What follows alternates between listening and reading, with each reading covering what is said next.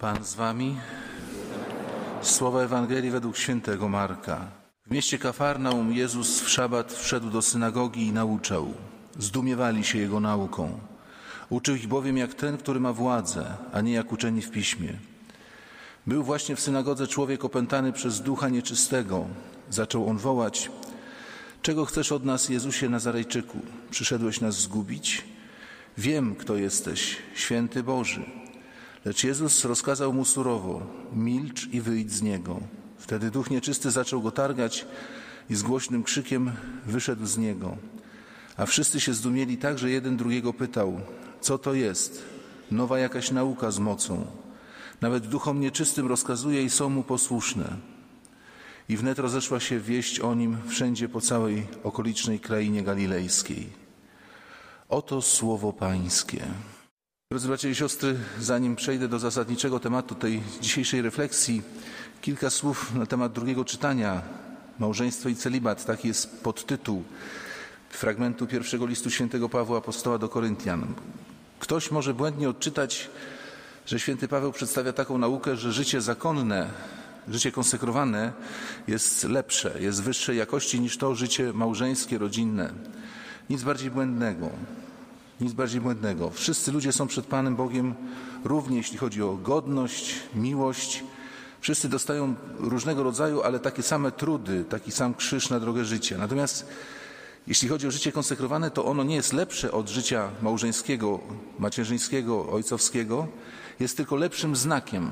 Państwo zresztą to jest dosłownie zauważalne, kiedy mijamy ludzi na ulicy, no to nie mamy takich skojarzeń religijnych od razu. Kiedy wsiądzie siostra zakonna, kiedy zobaczymy habit, no to wtedy myśl nasza może bardziej skierować się ku sprawom takim duchowym, wiary, religijnym. Jest to znak. Y, może być o wiele więcej miłości do Boga w sytuacji, kiedy, nie wiem, matka szuka bucików dla dziecka, biega od sklepu do sklepu i nie może ich znaleźć, niż siostra zakonna, która, czy, czy, czy zakonnik, który siedzi w klęczniku, ma adorować Pana Boga, a myśli o niebieskich migdałach. Więc to, to powtarzam, życie zakonne nie jest automatycznie lepsze. Pan Bóg jedyny ma wgląd w nasze serca, to jest tylko lepszy znak. I takie jest powołanie ludzi żyjących w konsekrowanym stanie. Oni nam wszystkim mają przypominać o tej rzeczywistości niebieskiej, do której zmierzamy. Oni jakoś są wezwani do specjalnego uczestnictwa w tej rzeczywistości już tutaj na ziemi. Natomiast jeśli chodzi o Ewangelię, to dzisiaj mamy, Chrystus manifestuje swoją władzę nad y, światem zła, nad światem demonów, nad światem diabła, nad światem szatana. Szatan, jak to mówią specjaliści od jego działania, ma dwa sposoby, dwie dziedziny. Ma działanie nadzwyczajne, to jest właśnie opętanie, spętać, opętać, związać. Kiedy bierze w niewolę ciało człowieka, jego psychikę i zaczyna manifestować tą swoją diabelską potęgę. Ktoś kiedyś powiedział, ktoś się zwrócił do egzorcysty z prośbą, proszę nade mną odprawić egzorcyzmy, bo jestem chyba opętany przez szatana. Egzorcysta powiedział, gdybyś był opętany przez szatana, nigdy byś nie prosił o egzorcyzmy. Sam dla siebie. Więc to jest już takie y, opętanie pełne, zupełne, kiedy człowiek już zatraca swoją świadomość, zatraca swoje, nie ma kontroli nad swoim zachowaniem. I jest to działanie zwyczajne, któremu każdy z nas podlega. Kuszenie, nękanie, straszenie. Metody szatana się zmieniają i unowocześniają. Proszę mi wierzyć, z niejednego źródła usłyszałem, kiedyś mi jeden zakonnik właśnie opowiadał, że zaangażował się w wyzwolenie z opętania pewnej dziewczyny, odprawiał na nią egzorcyzmy, towarzyszył modlitwie uwolnienie i w tym samym czasie zaczął dostawać SMS-y bluźniercze, bardzo bluźniercze, przeciwko Matce Bożej, przeciwko Bogu. I z niejednych źródeł usłyszałem o, takich, o takim zjawisku, że coś się w telefonie zaczyna dziwnego pojawiać, dziwne treści, dziwne teksty. Więc szatan też swoje działanie unowocześnia. Demon mówi do Chrystusa: Wiem, kim jesteś. Wiem, kim jesteś. W świecie biblijnym znać czyjeś imię to było panować nad nim. Jeśli ja poznałem czyjeś imię, to już jakoś nad nim panowałem. I szatan właśnie to chce. Nie chce Chrystusa uwielbić, mówiąc jeszcze święty Boży, tylko chce Chrystusowi zasugerować, że on ma nad nim władzę, że on mu się nie podda. Chrystus ucina to krótkim milcz, wyjdź z niego. no bardzo to są krótkie słowa, stanowcze i mocne. Co nam Chrystus chce przez to powiedzieć? Że z demonem się nie dyskutuje. Absolutnie się nie dyskutuje. Proszę Państwa, demon jest od nas inteligentniejszy tysiąc razy. I jedno, co powinniśmy mu powiedzieć, to powtórzyć za Chrystusem: milcz, idź, odejdź ode mnie, przestań mnie dręczyć. Natomiast żadnych dyskusji. Proszę zwrócić uwagę, że w dwóch testamentach, Starym Testamencie i Nowym Testamencie, na początku tych ksiąg starotestamentalnych, na początku ksiąg nowotestamentalnych mamy dwie rozmowy kobiety, i tu i tu jest rozmowa kobiety, z aniołem. Z tym, że pierwsza rozmowa w Księdze Rodzaju jest to rozmowa z aniołem upadłym. Państwo się domyślacie, chodzi mi o rozmowę yy, Ewy z, z, szatanem, z wężem. A druga rozmowa jest to rozmowa z aniołem światłości, mm, kiedy przychodzi do Maryi i też z nią rozmawia. I proszę zwrócić uwagę, jak te rozmowy są diametralnie różne, niemalże symetrycznie różne. E, co mówi demon do Ewy w raju? Ewo, czy tobie wolno dotykać wszystkich drzew? Nie, jednego nie wolno. W podtekście, ja teraz będę interpretował słowa demona. Widzisz, gdybyś była piękna, gdybyś była urzekająca, gdybyś była kobietą naprawdę do głębi piękną, Bóg by ci dał wszystko. Czego kobieta oczekuje od mężczyzny? Wszystkiego. Żadna kobieta nie pójdzie na taki układ, jakby jej narzeczony powiedział: Słuchaj, wyjdę, ożenię się z tobą, ale raz w roku pozwolisz, że się z byłą dziewczyną spotkam, co? Ja ci nam byłą dziewczynę. Mój jesteś i wszystko to Twoje należy do mnie. Ja Ci będę służyć, ja Ci będę pomagać, ja Ci będę towarzyszyć w życiu, ale chcę mieć absolutnie wszystko. Kobieta jest tak bardzo wrażliwa na to, że coś zostało przed nią ukryte, utajnione, że coś jej mąż nie powiedział, coś, co powinien powiedzieć. I szatan rzuca podejrzenie na Boga Ojca. Bóg Ojciec Cię nie kocha, bo Ci czegoś nie dał, bo coś przed Tobą zataił, więc nie jesteś godna Jego miłości. I tutaj podcina Ewie skrzydła, podcina Ewie skrzydła wiary w swoje piękno. To, to dla kobiety jest tak bardzo istotne, czy jestem piękna i czy tym pięknem pociągam do siebie mężczyznę i czy tym pięknem otwieram go, że on mi wszystko ofiaruje. To jest zwątpienie. Ewa zwątpiła swoje piękno i dlatego posłuchała słów demona. Natomiast anioł, który przychodzi do Maryi, anioł światła, anioł pochodzący od Boga, nie tyle, że podcina jej poczucie własnej wartości, co wręcz przeciwnie, bardzo podkreśla. Zdrowaś Maryjo, łaski pełna. Zdrowa, człowiek zdrowy to jest taki, który ma wszystko na miejscu, w porządku, któremu niczego nie brakuje, jeśli chodzi o życie materialne, duchowe, fizyczne. Zdrowaś Maryjo, łaski pełna. Łaska to jest światło. Maryjo, jesteś pełna światła. Anioł piękne komplementy mówi Matce Bożej. Nie wiem, czy któraś z Pani usłyszała jakiś taki komplement od kogoś. Jesteś pełna światła. To chyba by bardzo było miłe taki komplement usłyszeć. Pan jest z Tobą, błogosławiona jesteś między niewiastami, błogosławiony owoc Twojego łona. Drodzy bracia i siostry, żeby się obronić przed sztuczkami szatańskimi, trzeba być człowiekiem, który ma poczucie wartości samego siebie. Z tym mamy ogromne kłopoty i księża, i psychologowie, i psychoterapeuci, żeby człowiekowi przypomnieć i oczyścić jego taką samoświadomość, że jestem kimś wartościowym, że jestem kimś wartościowym. Jezus pokazuje dzisiaj moc e, właśnie władzy nad demonami. Dlaczego to na Żydach zrobiło takie wielkie wrażenie? Oczywiście opętania to nie tylko zaczęły się od Pana Jezusa, były na świecie wcześniej, demon wcześniej podchodził wielu ludzi, brał ich w niewolę duchową. I Żydzi też znali zjawisko opętania. Jak oni sobie z nim radzili? Na dwa sposoby. Kiedy ktoś został opętany, to sposób pierwszy. Żydzi przyzywali mocniejszego ducha od tego, który wszedł w ciało człowieka i prosili go, żeby tego, tego demona wypędził. Towarzyszyło temu mnóstwo modlitw, także zachowań magicznych i oni w ten sposób chcieli, żeby ten mocniejszy demon przyszedł i wyrzucił tego słabszego z człowieka. Albo drugi sposób, taki może bardziej konkretny, że temu człowiekowi opętanemu pokazywano coś, coś obrzydliwego, coś wstrętnego, żeby przepłoszyć demona. Na przykład, przepraszam, czytałem o tym, że przedstawiano takiemu człowiekowi, podstawiano pod nos coś strasznie śmierdzącego. Tak śmierdzącego, żeby ten demon się nie smaczył tym smrodem i wyszedł i już nigdy nie wrócił. No, takie mieli sposoby, nie wiem jak, na ile były skuteczne, ale dla nas może dziwne, ale no, to było 2000 lat temu w Izraelu. I to wyrzucanie takiego demona trwało bardzo długo. Natomiast Chrystus wyrzuca demona w pięć sekund. Jedno słowo i on od razu opuszcza tego ciało tego chłopaka. Yy, dlatego Jezus im tak zaimponował, dlatego Jezus zwrócił ich uwagę, że naucza jak ten, który ma moc. Nie tylko informuje, ale swoim słowem zmienia.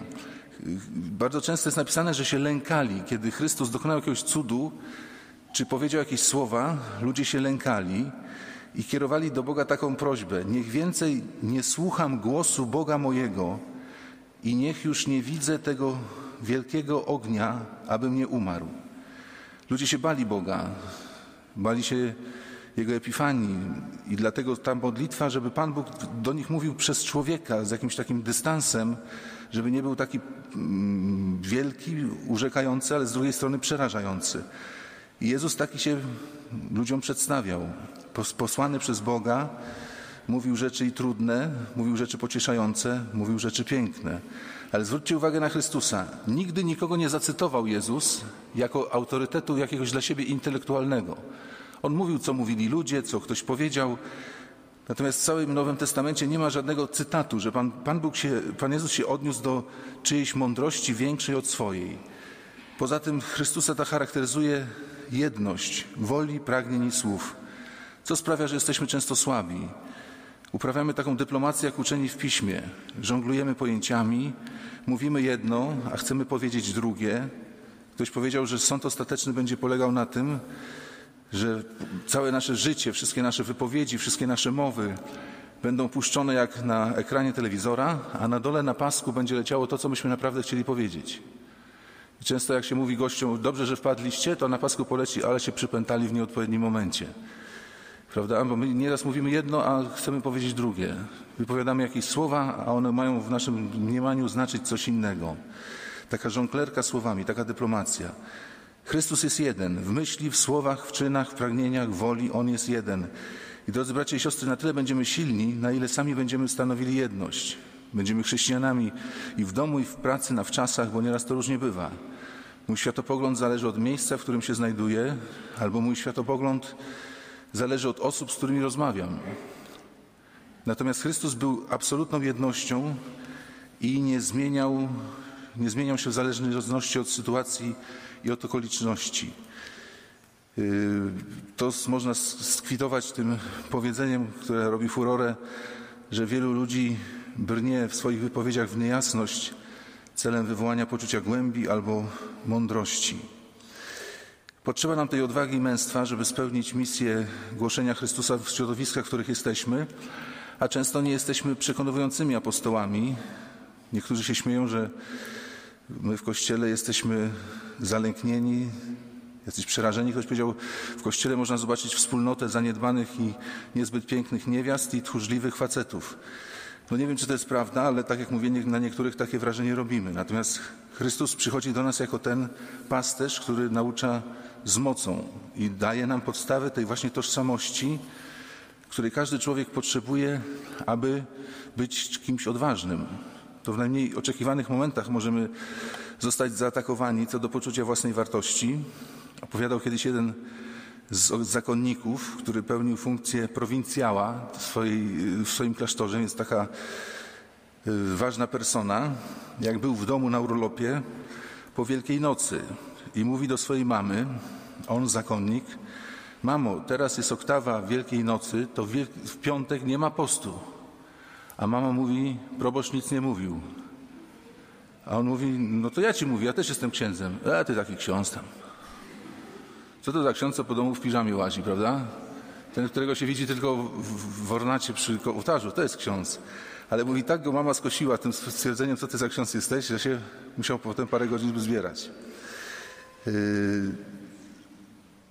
Musimy być ludźmi sklejonymi, ja to nazywam sklejonymi, a skleja się człowiek w konfesjonale, kiedy wraca do Boga, odrzuca sztuczne maski, yy, kiedy yy, oczyszcza się z tego, w co szatan mógłby trafić.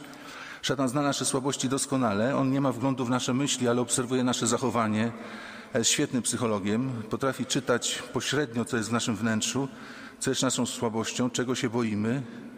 I dzisiaj powtarzam, konfesjonał jest takim miejscem sklejenia, o ile się szczerze i z dobrą wolą wyspowiadamy. O ile się szczerze i z dobrą wolą wyspowiadamy. Dzisiaj czytania mówią o proroku. Pan obiecuje, że pośle nam właśnie proroka ze Słowem Bożym, Słowem mocy, męstwa i odwagi. Dlaczego, drodzy bracia i siostry, niekiedy czytanie z Pisma Świętego nie oddziaływuje na nasze, mm, na nasze wnętrze? Mi się wydaje, że z dwóch powodów. Wydaje nam się po pierwsze, że to jest odległe, to co czytamy. Łaska, pragnienie, Tymoteusz, Cyrus, Kafarnaum, słowa jakieś obce, egzotyczne. I wydaje nam się, że to jest od, dalekie od mojego życia, a druga rzecz, że to jest nudne, ponieważ ja już to czytałem kiedyś.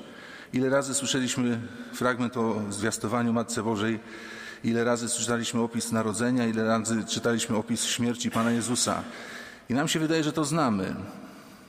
Niech nas z błędu wyprowadzi taka historia.